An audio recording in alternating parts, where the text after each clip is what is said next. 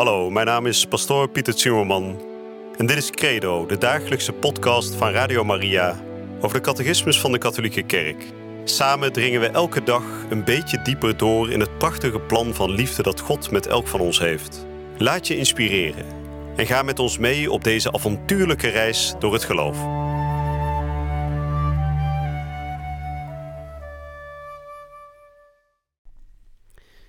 Vrienden, van harte welkom terug bij Credo, de dagelijkse podcast hier bij Radio Maria.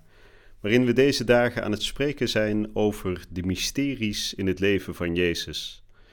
We zijn natuurlijk begonnen bij het begin, de menswording van Jezus, God die mens wordt op aarde, geboren als een kleine kwetsbare baby.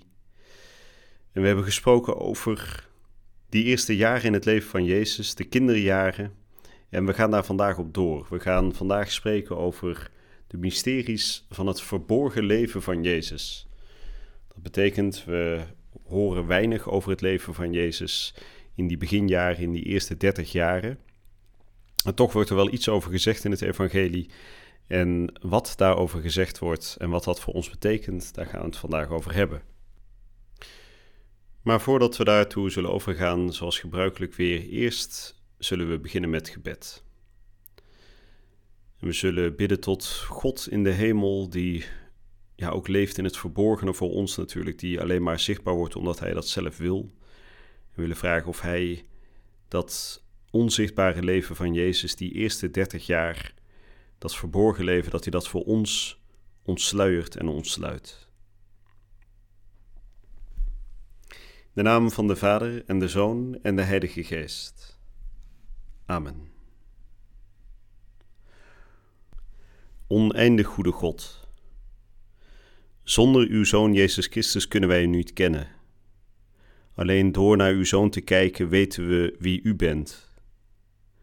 Jezus Christus is licht uit licht en ware God uit ware God. Het licht is onder ons verschenen. U hebt het op aarde laten stralen. Toch bleef dit licht lange tijd verborgen. Dertig jaar lang leefde uw zoon bij Jozef en Maria in de verborgenheid.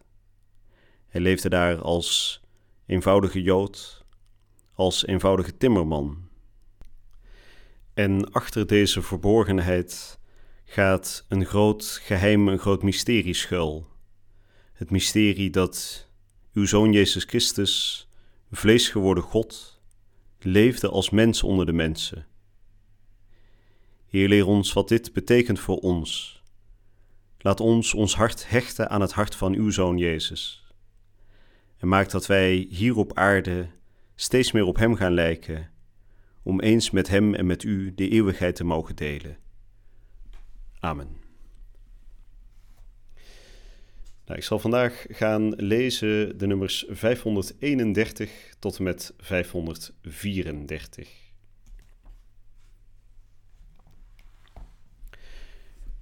De mysteries van het verborgen leven van Jezus.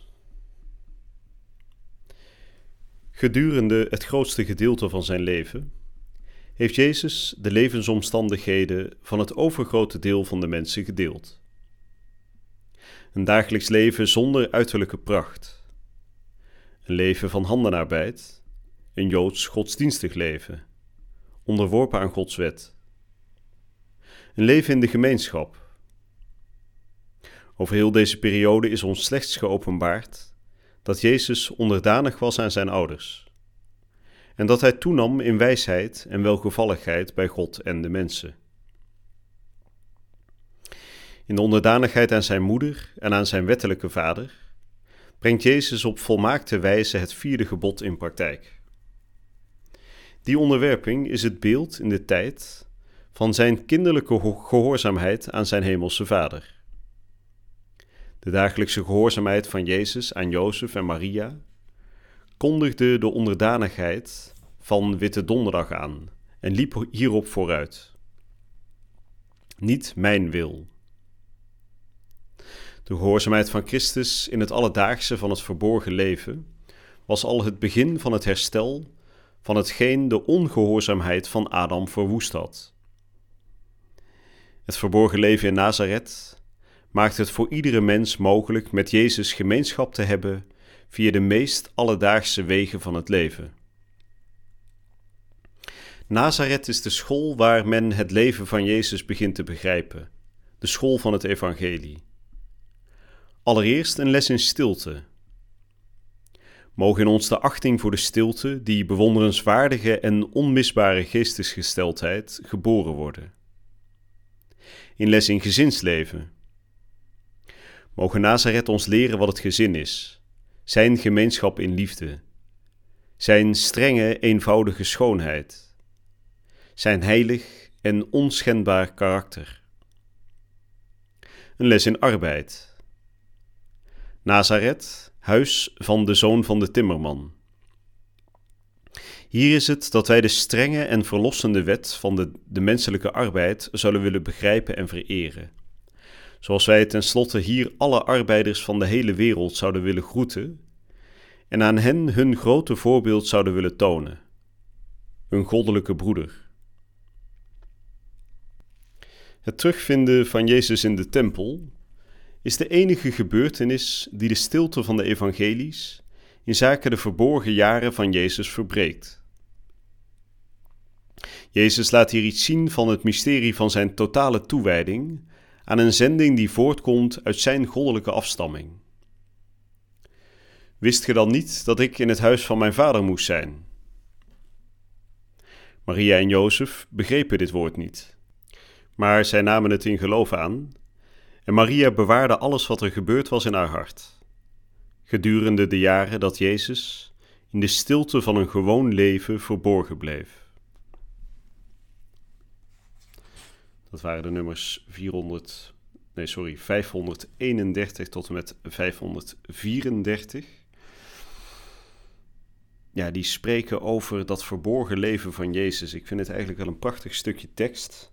Juist omdat er zo weinig over dat verborgen leven van Jezus te zeggen is, of te zeggen valt, is het zo'n ontzettend mooi um, um, stuk uit zijn leven om over te mediteren, om over na te denken, om over te bidden.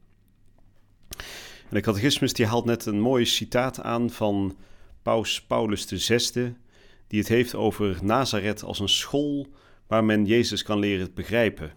dan worden die drie punten genoemd, namelijk allereerst de stilte, vervolgens het gezinsleven en dan de arbeid. Dus in de stilte, in de contemplatie kunnen we Christus steeds beter leren kennen. En het is dus ook met reden dat God de Vader het zo gewild heeft dat zijn zoon 30 jaar lang nagenoeg in totale verborgenheid leefde. En wat ook erg mooi is, hij leefde daar in onderdanigheid aan zijn aardse ouders. Maria natuurlijk zijn biologische moeder, Jozef niet zijn biologische vader. Maar hij vereerde hem wel als een vader op aarde. En in die verering van Jozef als zijn vader op aarde zien we al een verering die hij heeft natuurlijk voor zijn vader in de hemel. En daarom staat er ook heel mooi in de catechismus dat in die verering van Jozef als vader, in die vervulling van dat vierde gebod hè, van eer uw vader en uw moeder, het vierde gebod van de tien geboden, zien we al een vooruitwijzing naar Witte Donderdag, waar Christus uiteindelijk in totale gehoorzaamheid aan zijn hemelse vader zal handelen.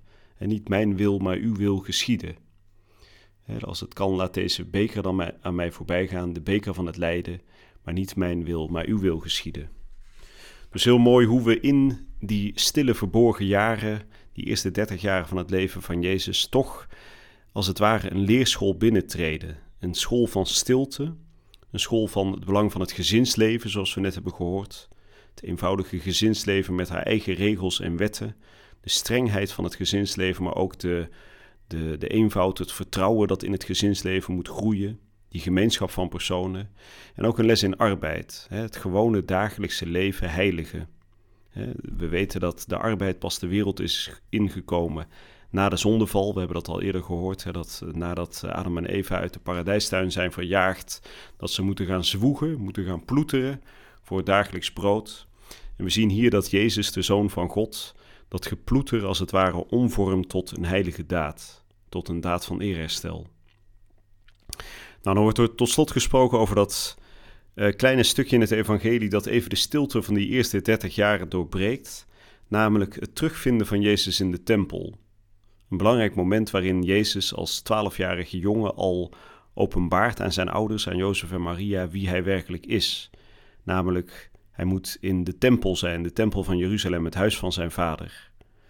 En wat ook ontzettend mooi is, is dat Jozef en Maria dat niet begrepen, maar wel in geloof aannamen.